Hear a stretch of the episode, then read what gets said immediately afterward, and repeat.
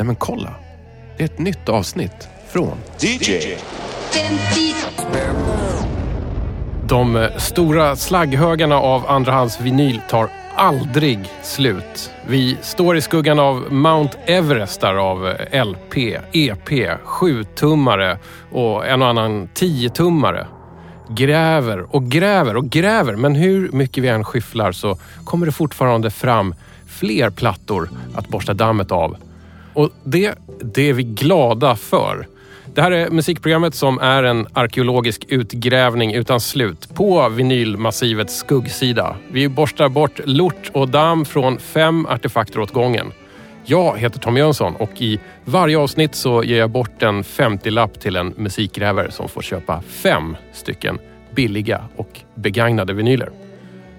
Idag så kan det bli så att vi broderar ut snacket om loppismusiken genom att prata om städerna som musiken spirat fram ur och städerna som loppisarna och skivbörserna ligger i. Och ja, själva vägen till vinylfynden tror jag. Eller vad tror du Dan? Vägen eller tunnelbanan. Tunnelbanan till och med. Jag sitter alltså här tillsammans med Dan Hallemar och jag är väldigt glad att du har satt sprätt på en 50-lapp för DJ 50 spänns skull. Som alltid när man får en, eh, någon annan som ger en uppgift så får man gå liksom lite bortanför sina egna va- invanda vägar och leta upp något nytt ställe. Det är härligt. Jag tror att det är bra för eh, människan att då och då tvingas plocka upp musik som är liksom utanför komfortzonen. Jag kände väldigt starkt att det var så här för att jag när jag klev in i den här skivhögen som jag valde att åka till så tänkte jag först att jag skulle vara... Ja, man vill ju ge ett gott intryck ju.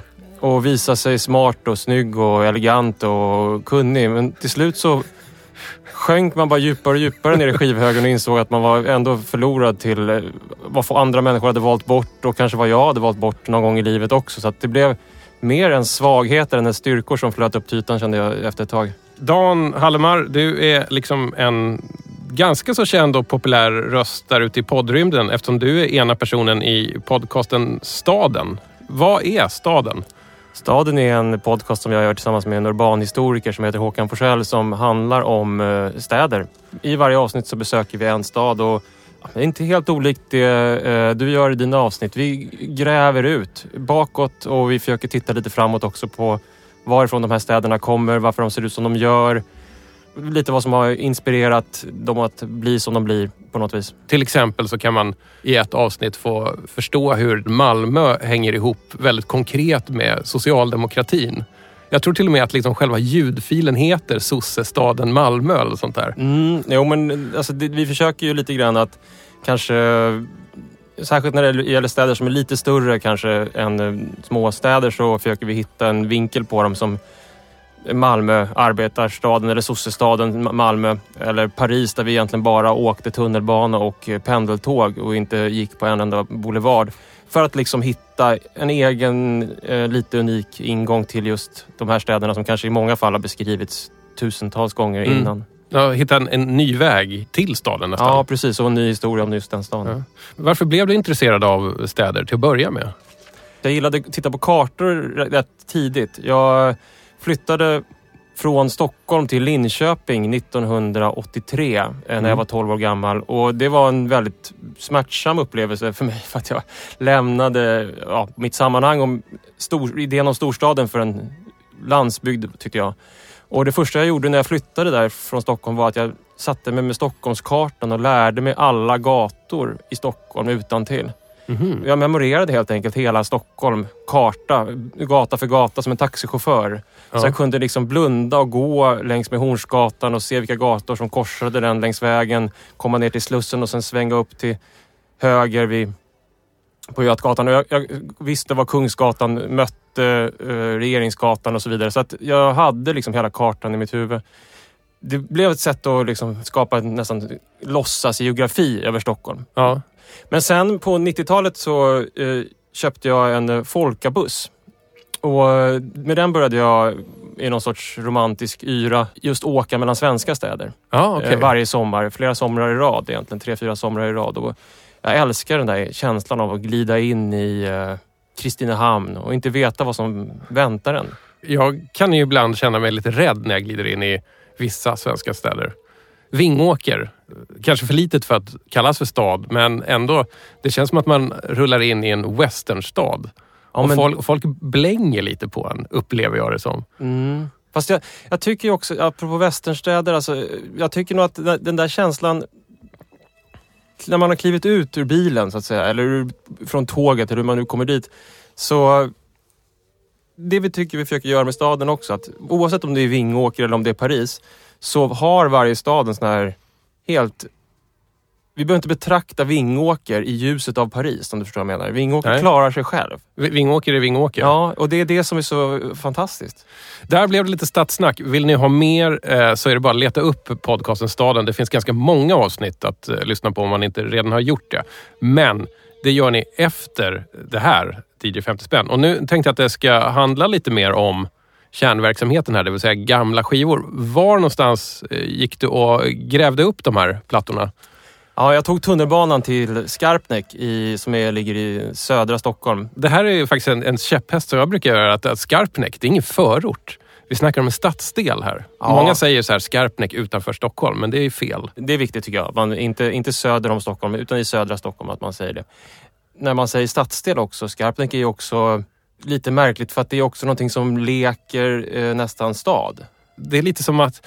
Lite SimCity i tegel på något sätt. Det är inte alls den här, eh, om man har åkt runt i Stockholms eh, förorter eh, med tunnelbanan så är man ju van att kliva upp. Det ser ju ungefär likadant ut överallt. Men det Mm. här kliver man ju upp i någonting helt annat som är byggt i slutet av, under 1980-talet i ambitionen att vara en, inom citationstecken, riktig stad. Med, med kvarter, uppritat med linjal. Med kvarter och med innergårdar och med riktiga gator med alléer och lite boulevardkänsla. Sådär. Ja, absolut. Men du, du som ändå är i stadsbetraktarbranschen, tycker du att de har liksom lyckats med att få till det? Så här? Kan man säga att Skarpnäck är en stad-stad? Nej, men det, är ett, det är ett intressant misslyckande. Det blev inte det man hoppades att det skulle bli. Det här brusande stadslivet och så vidare.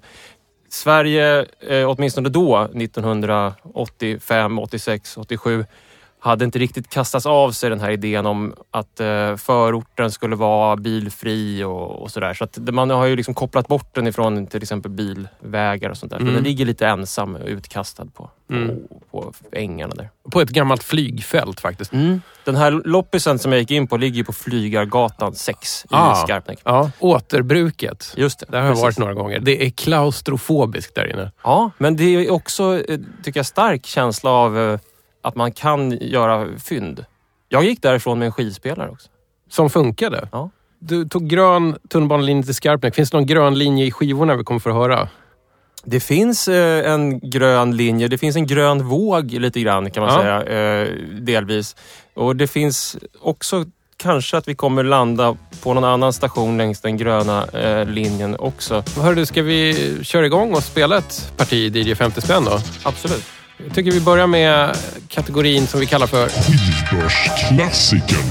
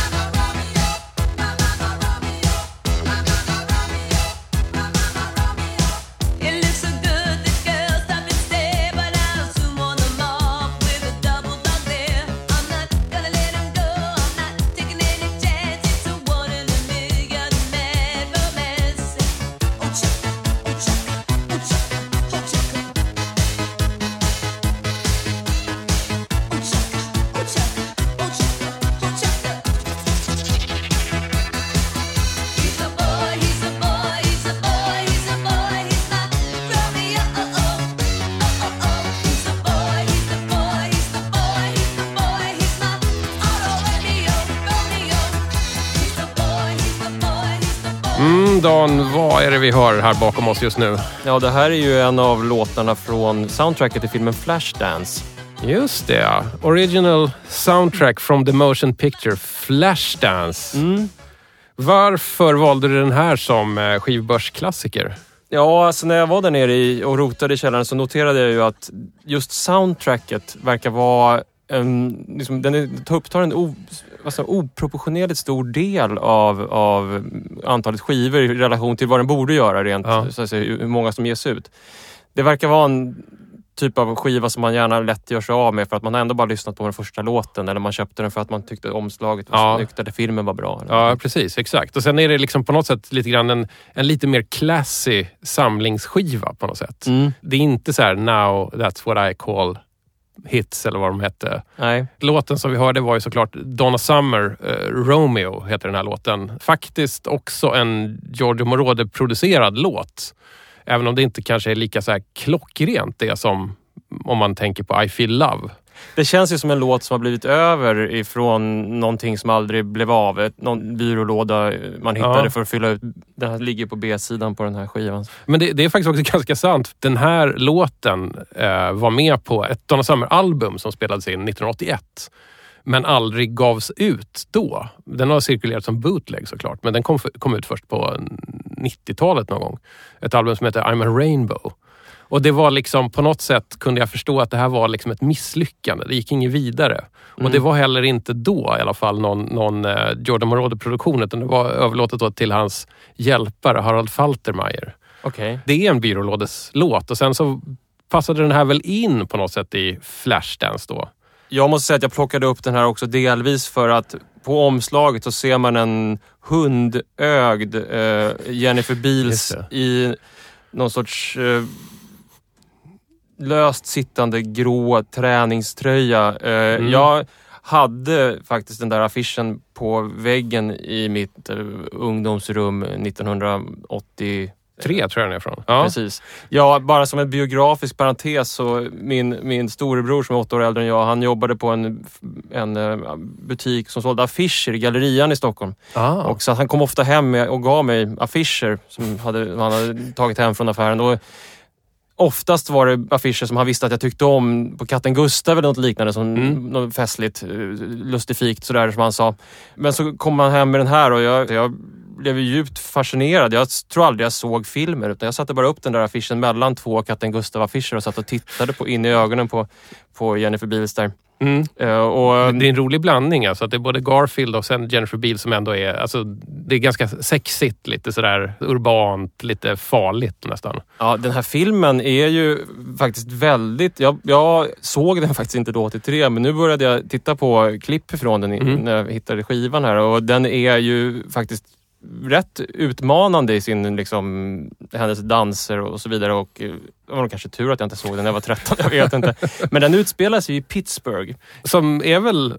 Jag har aldrig varit där, men det är väl en hård stad. Det är natt i en hård stad, men det, det är en stålstad. Den har också en ganska stark så här, kulturaura. Den, Mhm. den, den, det finns en karaktär från Pittsburgh som heter Andrew Carnegie som gjorde enorma pengar på stål i Pittsburgh och som betalade tillbaks genom att eh, investera och bygga så stora konstmuseum och music hall eh, venues. Så att den har en väldigt stark också eh, kulturell aura. Så där, i, och Ja. såg jag nu när jag googlade lite grann och tittade så att den, den blev utsedd till USAs mest livable city för något år sedan.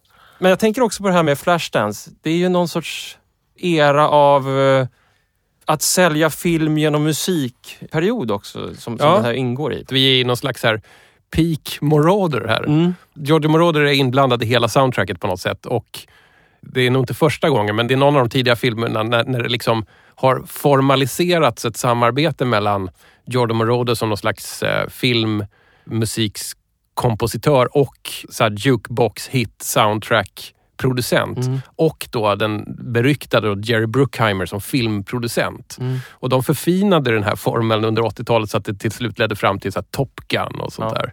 Den här sitter ju också ihop, eh, åtminstone i mitt huvud, lite grann med, med Fame naturligtvis. Irene Mm. Cara sjunger ju eh, titelspåret på den här, uh, What a feeling, som är liksom hitten. Just det. Och så kom ju den här fame-vågen och det känns som att också kanske hela den här soundtrack-idén under 80-talet var ju, det, det kom ju de här dansfilmerna på, ja, i slutet av 70-talet och början på 80-talet med Saturday Night Fever och Fame och sen så odlades vidare. Ja. Den här var omgiven kan jag säga av ett dussin Fame-skivor där i, i backen på återbruket i Skarpnäck. Det var ett tag sedan jag såg Flashdance, men det, det är en sån sak som jag tänkt lite på den filmen, att man börjar ändå få se en del av, av staden och stadslivet som man kanske inte riktigt hade sett så mycket i film innan. Man ser väl breakdance svischa förbi den här. Ja, i slutscenen när hon kliver in för att prova in på den här dansskolan så där sitter fem stycken rätt så här stiffa, lite surmulna, eh, gamla skolans dansmänniskor och ser hennes slutperformance där hon dansar just till Water Feeling. Då har hon en hel del breakdance move. Som, hon tar ju gatan in i finrummet väldigt mycket i, i, i den och det, det är väldigt tydligt. Och hon gör ju också en resa ifrån eh, hon är svetsare på stålverket och, och dansare på nattklubben. Och det är en sorts kvinnlig variant av Rocky-filmen på något vis. Ska vi lämna Pittsburgh, benvärmare, svetsloppor och, och eh, gatudans och eh, närma oss någon slags motpol här? Det, jag tror inte att det kan bli så mycket mer motpol. Jag tror att faktiskt hela poängen är att det ska vara en motpol om man ska se drivkraften bakom, bakom Ja. nästa låt. Chansningen. Snön faller stilla i mitt fönster Kaleidoskop med tusentals små mönster. Dalen ligger klädd i vitt och sover. Allt är mjukt och tyst i snöalkover. Jag i min röda pullover. Till och med grannskoter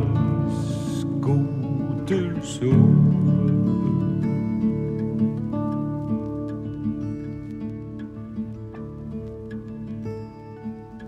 Fjärran bortom randen bor en duva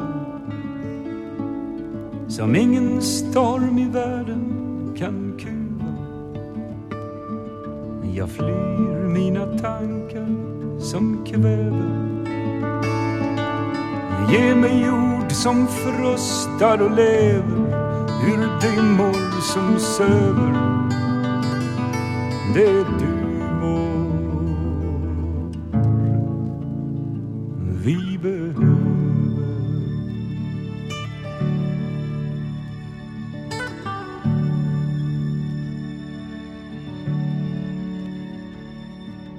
Hjärtat spelar pingpong med sekunder Slår mig fram mot ödestund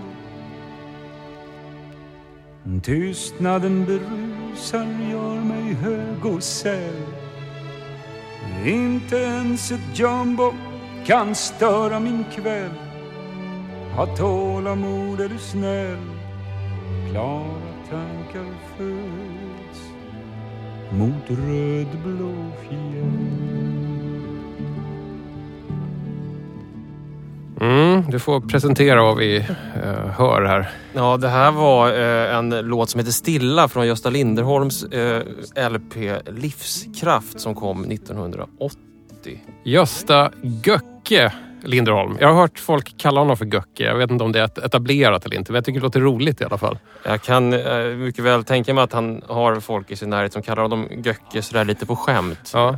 Mm. Om ni undrar vilken av alla eh, Gösta Linderholm-skivor på en loppis där är så, så står han liksom i vassen i ett skogsbryn. Eh, som någon slags lite, ja, lite Willie Nelson, lite Crocodile Dundee över hans lite scruffy uppenbarelse helt enkelt. Ja, han har snusnäsduk runt halsen och en Beppe-hatt på huvudet. Och har, jo, men han har lite den här outlaw country-looken Ja. fast någon sorts snäll variant. Med nitbälte också. Ja, det är faktiskt lite otippat. Och även gitarrbandet känns lite, ja det känns lite, lite farligt nästan. Ja, alltså det hette ju chansningen den här Och egentligen så kanske det på något sätt blev för mitt, i mitt huvud en sorts andra chans. Är du en av alla de här som har dömt ut Gösta Linderholm lite grann då? Det- har jag gjort. Gösta Linderholm fanns ju liksom i bakgrunden. För oss som växte upp på 70-talet och 80-talet så fanns han ju i bakgrunden. Han var en sorts festmusik som när kräftskivorna gick överstyr så var det alltid till Gösta Linderholm någonstans. Eller möjligtvis Maritza Horn om det var lite senare på kvällen. Ja, ja. Jag blev så här nyfiken på vem han var när jag fick syn på den här skivan i skivbacken och så såg jag hans liksom med Beppe-hatten där i, i snåret och ser så här lite trivsamt, härligt, eh, livsglad ut. Att, kanske var han underskattad på något sätt. Mm. Kanske hade jag missat, tänk om det fanns en mognare John Holm eller en lite så här känsligare Pugh Rogefeldt. Eller, Ja. eh, alltså, att det kanske fanns någonting där som jag hade eh, missat.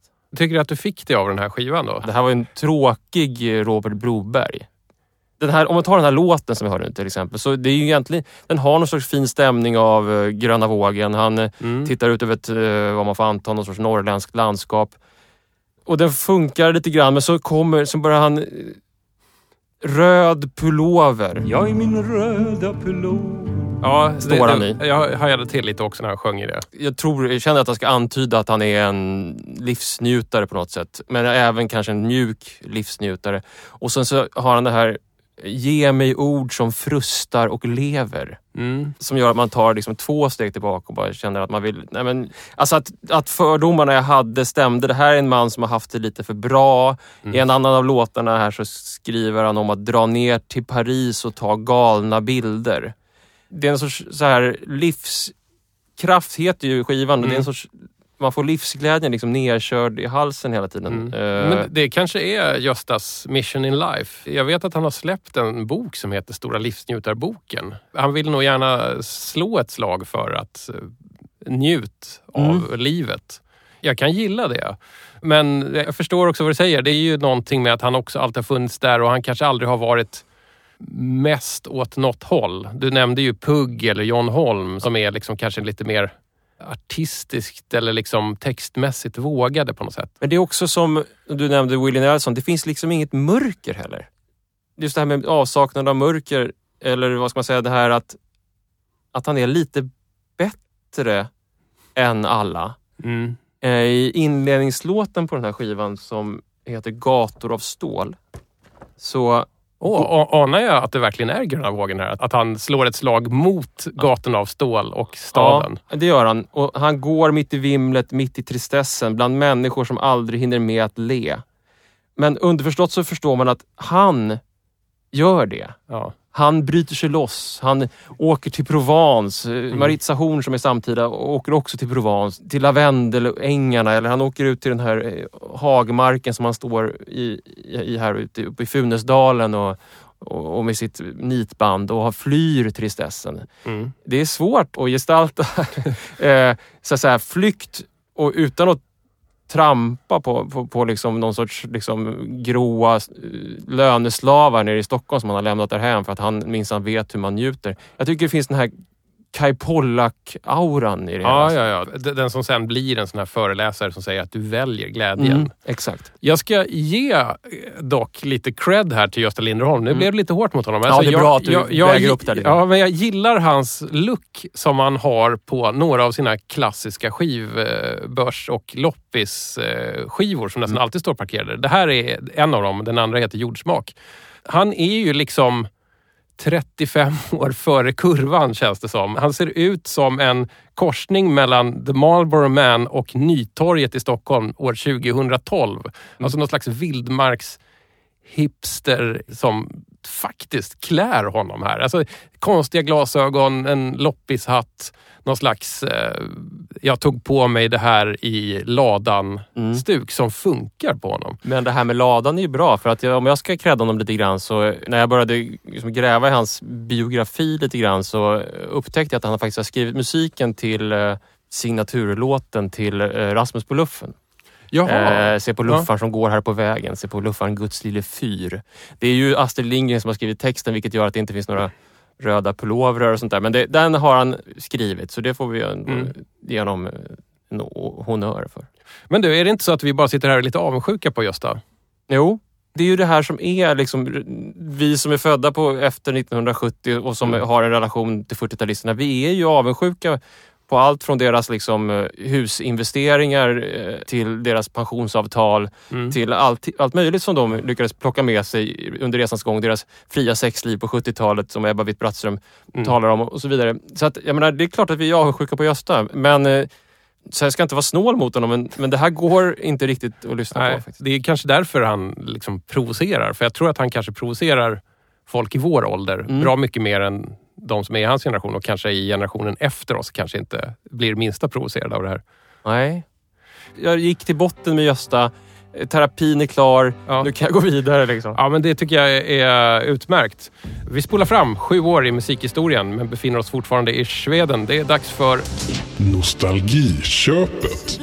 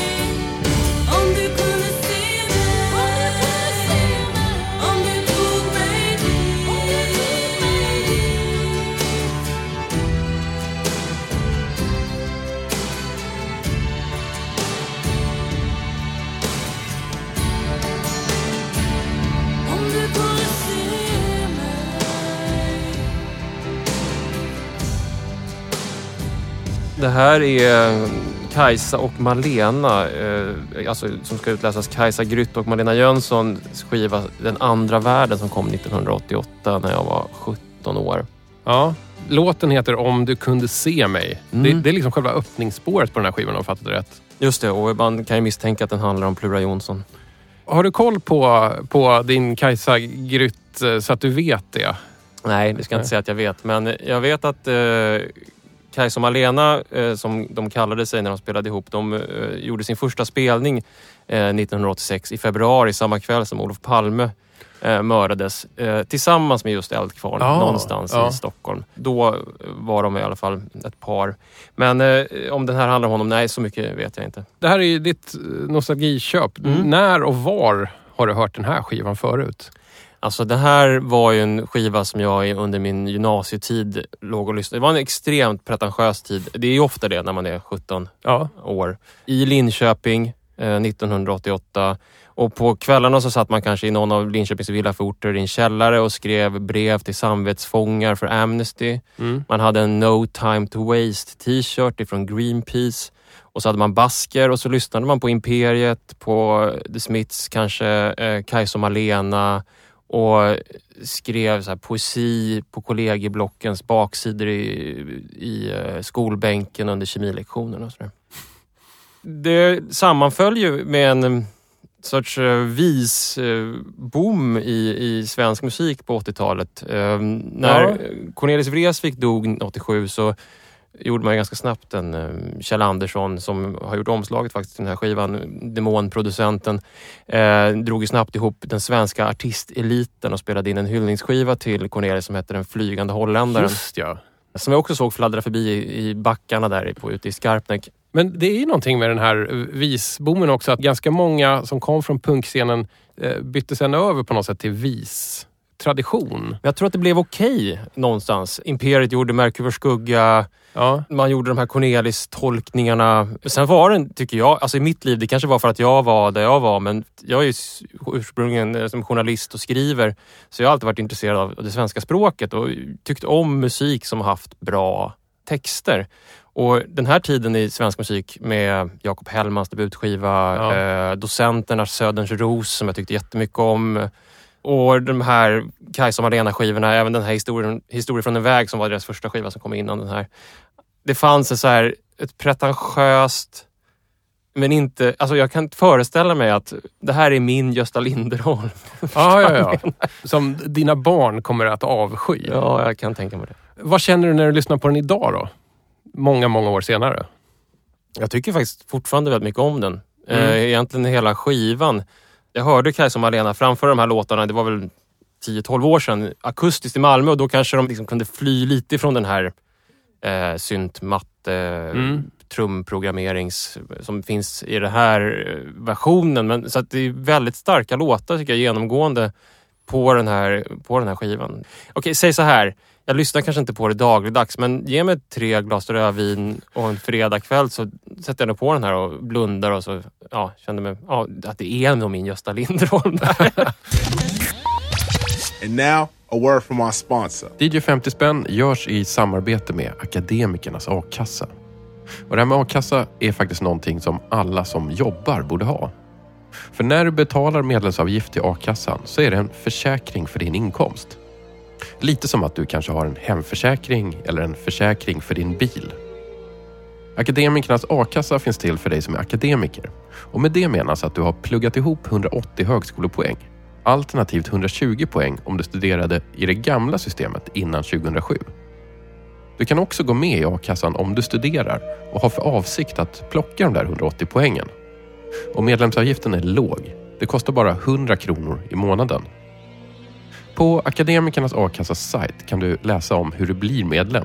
Och där kan du också kolla upp hur mycket ersättning du skulle kunna få i händelse av arbetslöshet.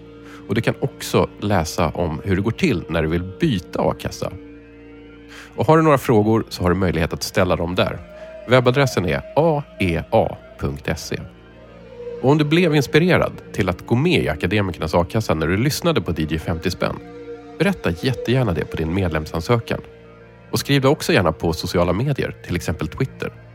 För då märker de att det här meddelandet i DJ 50 spänn hade effekt. Ja, det var allt snack om a-kassan idag.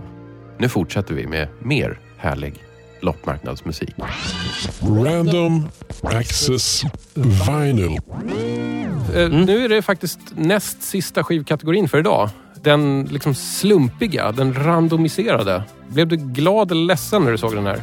Jag blev glad för att eh, jag kände att det var lite fart i den. Her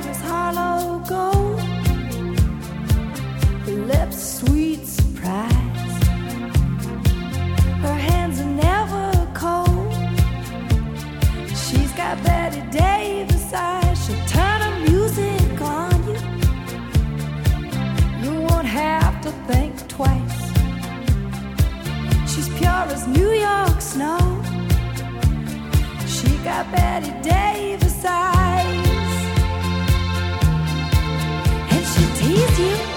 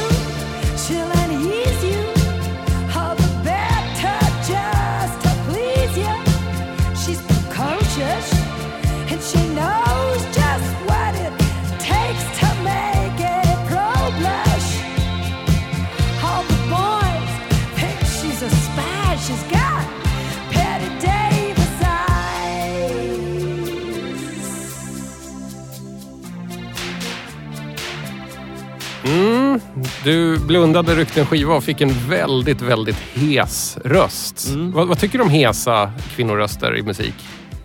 Om jag har en kvinnoröst som alltså den perfekta kvinnorösten för mig så ligger det nog närmare Chrissy Hine, Ja, okej. tror jag. Ja. Det här är lite för mycket åt Tina Turner-hållet Mm. för min smak. Mm. Den är nästan så hes att den är nästan en sån här italiensk eh, rivig sångröst. Ja. Där är det ofta hest.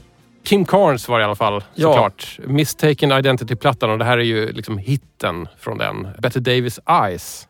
Det är ju en, vad Ingvar Storm och Niklas Levi, för att ha 80-talsreferenser när det gällde eh, radio, skulle kalla för en brottarhit. I programmet Metropol. Just det, exakt. Med jinglar och Olsson Falk. Det var lyxigt. Ja. Jag vet att den här skivan var den mest sålda eh, det året när den kom ut, vilket var 1981. Mm, det kan nog stämma. Jag snöade faktiskt in, jag lämnade skivan ganska snabbt. Den är väldigt spretig. Den påminner faktiskt lite grann om en soundtrack i sin Mm. sprethet. Det, Ja, just det. Ett 80-tals soundtrack. Den har mycket låtar som är, känns lite Finlandsbåt, saxofon, eh, produktion som är, inte alls är så, så roliga. Så jag, jag snöade faktiskt in på just den här låten och kanske framförallt på kompositören eh, Jackie DeShannon. Jag hade ingen superduper koll på att det var hon som hade skrivit den. Nej, det visste inte jag heller, men jag såg det när, när, när jag bara slog upp eh, sk- skivan. Och, och hon hade själv spelat in den här låten 1974 utan att det blivit någon hit i någon sorts boogie-woogie-version. Her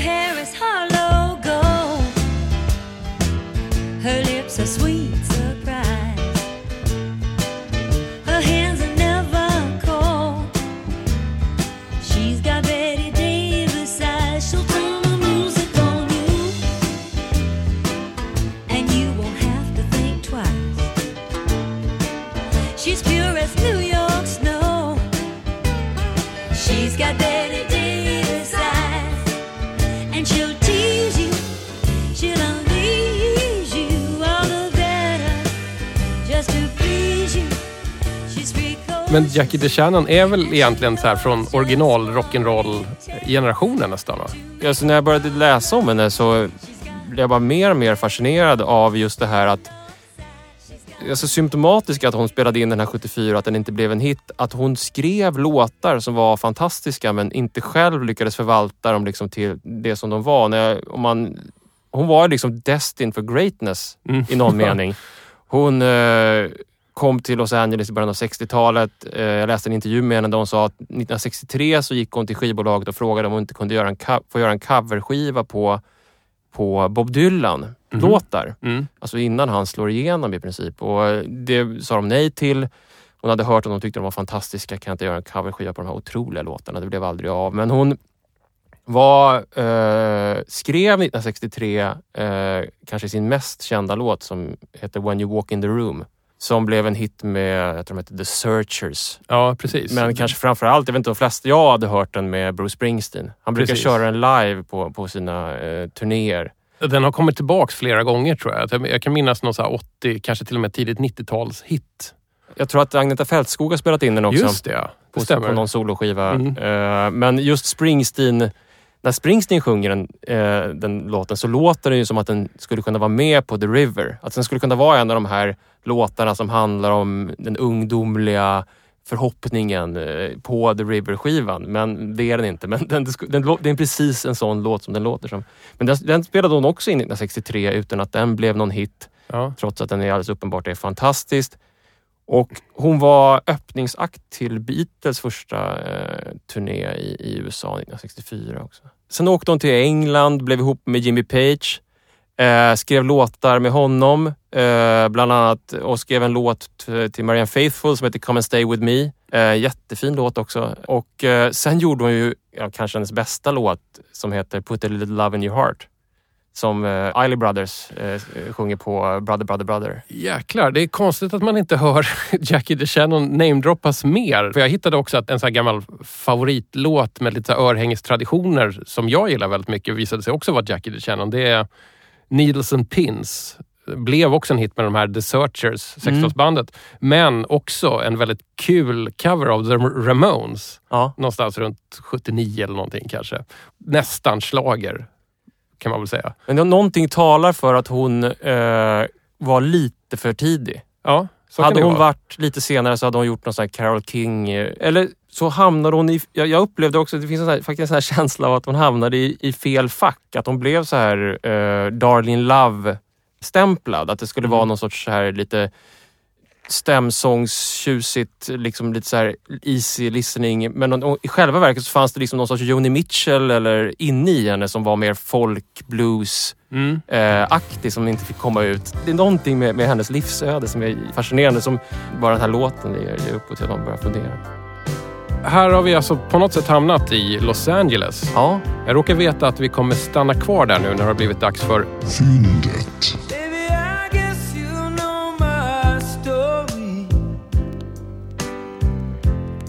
Baby, I guess you've heard my side.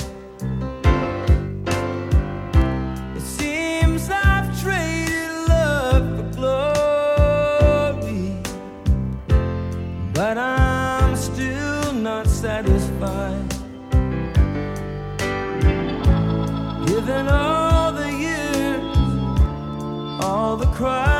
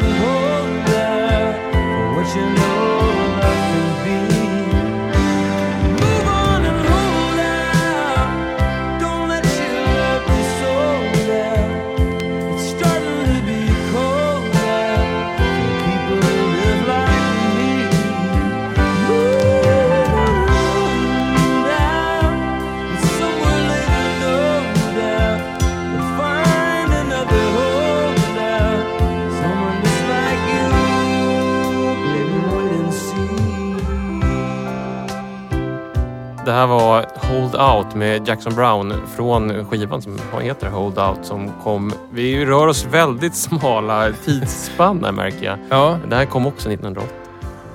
Den här, du kallar ju den här för fyndet. Alltså det kanske inte är något fynd i någon sorts uh, pengamening. Det är lite svårt att, att avgöra. Men för mig var det ett fynd för att det var känslan när, jag, när den här skivan dök upp i skivbacken var så här.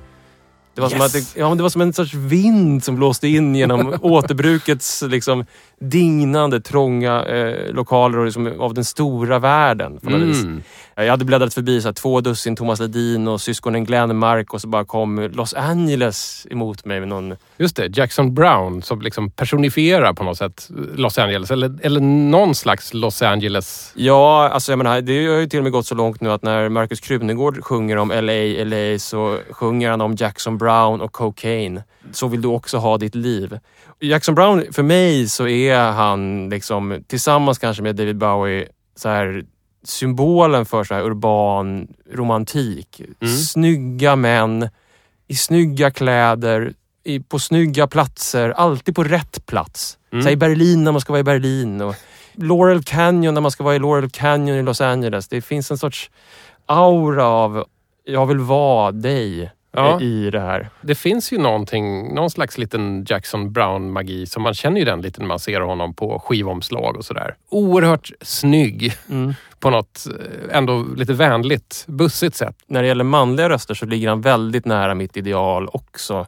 Så här, Conor Oberst, Mm. Badly Drawn Boy, Ben Folds Five. snäll men ändå smart och uttrycksfull. Alltså lite grann så här, blandning mellan en fadersgestalt och en storebror. Någonstans mitt emellan storebrorsan och, och en pappa. Så där. Jag, vet Mhm. inte. Ja. jag tycker om att vara i det där. Jag- kan sätta på Jackson Brown-skivor bara för att befinna mig i ljudet. Jag behöver nästan inte, nästan som jag inte hör dem längre. Jag bara är i dem. Det är eh, behagligt. Det låter som en härlig känsla. Ja. Men du, det finns ju Bruce Springsteen-män. Mm. Och, och det finns ju Lloyd Cole-män. Mm. Det har vi pratat om i ett tidigare DJ 5 avsnitt Mm. Men uppenbarligen så finns det också en Jackson Brown-man som jag då gissar att du är. Ja, Hur, hur är Jackson Brown-mannen? Ja, men jag tror att eh, Jackson Brown-mannen känner sig alltid... Eller så här, man kan ju säkert använda på olika sätt. Men för mig är det som att man får tillgång till eh, världar som man inte riktigt har tillgång till. Det är som en lite bättre version av en själv. Liksom, på Mm. vis. Jag tror att det är, det är en sorts ego-booster på något sätt kanske. Jag vet inte. Det är inte ide- identifikation. Jag tror att det är den här storebrorsan alltså, som har liksom upptäckt världen åt en lite grann innan man själv har kommit ut i den. Som har varit på de där gatorna och gått på de där klubbarna och kan peka ut dem åt en och säga du borde gå dit och du borde lyssna på det där. Som har en skivback som är lite bättre än sin, ens egen. Ja, För ja, själv har ja. man liksom inte kommit dit än. Man sitter fortfarande och lyssnar på, på någonting gammalt. Sådär. Kajsa Malena. Ja, eller någonting. Just ex, exakt det här albumet har dykt upp i ett tidigare avsnitt när eh, singer-songwritern Kristoffer Åström var med. Han älskar också Jackson Brown. Han ville väldigt gärna också uppvärdera den här skivan. Han tyckte att den var liksom lite sådär eh, kritikersmädad och dragen i smutsen. Mm. Hur ser du på Hold Out-albumet som var en sån här Jackson Brown-listetta som kanske inte har fått riktigt så mycket cred som andra plattor av honom? Alltså så här, jag kan förstå att den var en besvikelse. För att de två skivorna som kom innan, eh, Late for the Sky och The Pretender, de är så fruktansvärt bra. Alltså Mm. de är ju som, ja, de är fantastiska. Om man sitter som skivrecensent 1980 och får det här i knät och då, kan, då kan jag förstå att man kan bli lite besviken på den. Och jag har noterat att många som var kritiska mot den också har invändningar framförallt mot hans sätt att skriva texter på den här skivan. Hur han dissar diskon till exempel i eh, Ja, just det. Precis. heter Disco Apocalypse, va? Disco. Apocalypse. Hur han eh, inte lyckas skriva en eh, riktigt bra, eh, sorglig eh, låt om någon som, nära vän som har dött och så vidare. De saknar den smarta Jackson på något vis, som de hade lärt känna under de där två plattorna innan. Konstigt då att skivköparna tyckte att det här var Jackson Brown-plattan att investera i. Ja, alltså jag kan känna att jag gillar hans röst och hans närvaro så mycket att jag har lite svårt att avgöra. Alltså, det spelar inte så stor roll för mig om han är dålig eller bra. Jag, har liksom, jag är bortom den för att jag vill bara vara där han är och då är jag där. Jag gör liksom ingen riktigt musikalisk bedömning av det på något sätt. Vad är Jackson Browns LA för en stad egentligen? Jag var ju i Los Angeles för första gången i somras och blev som jag tror många blir helt liksom paralyserad och fascinerad av Los Angeles. Alltså det är sällan man kommer till städer tycker jag där, där man känner att det här är helt unikt. De flesta städer har ju något som påminner lite grann om varandra. Men kommer man till Venedig så är det gatorna av vatten. Det är jättekonstigt. Ja, ja. Ja, och kommer man till Los Angeles så är det bara massa eh, enfamiljshus i, i vildmarken. I, delvis. Det är en konstig plats och Jackson Browns LA, för att återknyta lite grann till det här med gröna vågen, är ju en, en sorts gröna vågen LA eller någon sorts, eh, i alla fall om man ser på hans historia. För att jag började släktforska lite i, i Jackson Brown och eh, eh hittade hans farfar Clyde Brown Jaha som eh, i början av 1900-talet hörde till en grupp av eh, vad man skulle kunna kalla för, för den tidens liksom Southern Californian Bohemians. Liksom bohemer från, som hade kommit till södra Kalifornien. Mhm. Och eh, hittade en eh, del av Los Angeles som heter Los Arroyos. Som då kring 1900 var så här vildmark, utmark. Staden hade inte kommit dit. Det var bara liksom en känsla av vilda västern. Ja, ja, det låter ju lite som det. Ja, och där börjar han för hand bära stenar och bygga ett helt fascinerande hus under 15-20 års tid. Eh, som är ett kloster, det är en kyrka, det är någon sorts eh, grotta och det är något ranchhouse. Helt byggt av material från platsen. Mhm. Hantverksmässigt. Han var tryckare, jobbade med så här tryckerikonst. Och så byggde han den här Liksom, han byggde sitt eget hus. Han hämtade fönster från någon nedlagd krog och satte in i det där huset. Sorts do it yourself anda där i utkanten av ett, en växande eh, stad. Sådär. Och det ligger nu i någonting som heter Highland Park som är en, som är en helt del av, av Los Angeles. Men där, det, det skapade han, där, hans farfar. Då. Och sen, Finns det här, finns det här byggnadsverket kvar? ja, det är bygg, nu byggnadsminnesmärkt och man kan, gå på, man kan gå på guidad tur och titta på det. Det finns med på omslaget till eh, Jackson Browns andra skiva som heter For Everyman där han sitter på gården Mhm. inne i det här huset. Så man kan titta på, på, det, på det omslaget och så ser man den där. Men den här Clydes son då, som kallades för Jack, som alltså heter Jack Brown. Han eh, gick med i armén under andra världskriget, hamnade i Tyskland eh, där han jobbade som reporter på någon tidning tror jag. Spelade piano i ett ragtimeband. Mhm. Eh, och så var han kvar i Tyskland och spelade och, och jobbade fram till 51 när de flyttade tillbaka till Los Angeles till den här märkliga byggnadsverket som hans, eh, hans pappa då, eller Jacksons farfar hade byggt. Det där liksom self-made do it yourself Los Angeles. Det är en sån himla stark gen i Los Angeles men man, jag tycker man känner den också i Jackson Brown. Han har en aura av liksom självständighet. Det går inte att nagla honom riktigt Mm. i någon rörelse även om han var en del av den här kända Laurel Canyon som satt eh, liksom i skogen och återupptäckte eller skapade den här amerikanan eller vad man ska kalla den för. Ja. Det finns, bara som en utvikning kanske, men det finns en fotograf och konstnär som heter Ed Ruscha som eh, skulle liksom gestalta eller fånga Sunset Boulevard i Los Angeles. Han hade liksom tänkt sig att göra ett fotoprojekt där han skulle fånga vad är Sunset Boulevard? Den är ju någonting speciellt. Och det slutade med att han fotade varenda hus. Och gav ut den som så här, man kunde vika ut den och så hette verket Every Building on Sunset Strip. Det fanns liksom ingen essens. Det fanns bara en massa enskildheter som var helt unika. Lite grann som Jackson Browns farfars hus eller som Jackson Brown på något vis. Att det är den här staden som är individualistisk på ett sätt men samtidigt är så här märkligt eh, fascinerande och inspirerande just därför. Vet du vad, eh, Dan? Det här var faktiskt sista gången som Jackson Browns härliga röst kommer höras i DJ 50 spänn. Det finns ju en sån här three strikes you're out-regel och eh, det här var tredje gången som Jackson Brown dök upp. Så vi tackar Jackson lite för det helt enkelt. Mm, hade jag tur. Och nu är vi faktiskt nästan eh, klara för dagen här. Du har ju bjussat på fem loppisplattor här. Jag ska betala igen med en eh, loppisplatta också. Och det är såklart som vanligt av James Last och jag har letat upp en Jackie DeShannon-låt faktiskt. Det är inte Snön faller. det är inte Jackie DeShannon som har skrivit den. Nej, det var exakt likadant.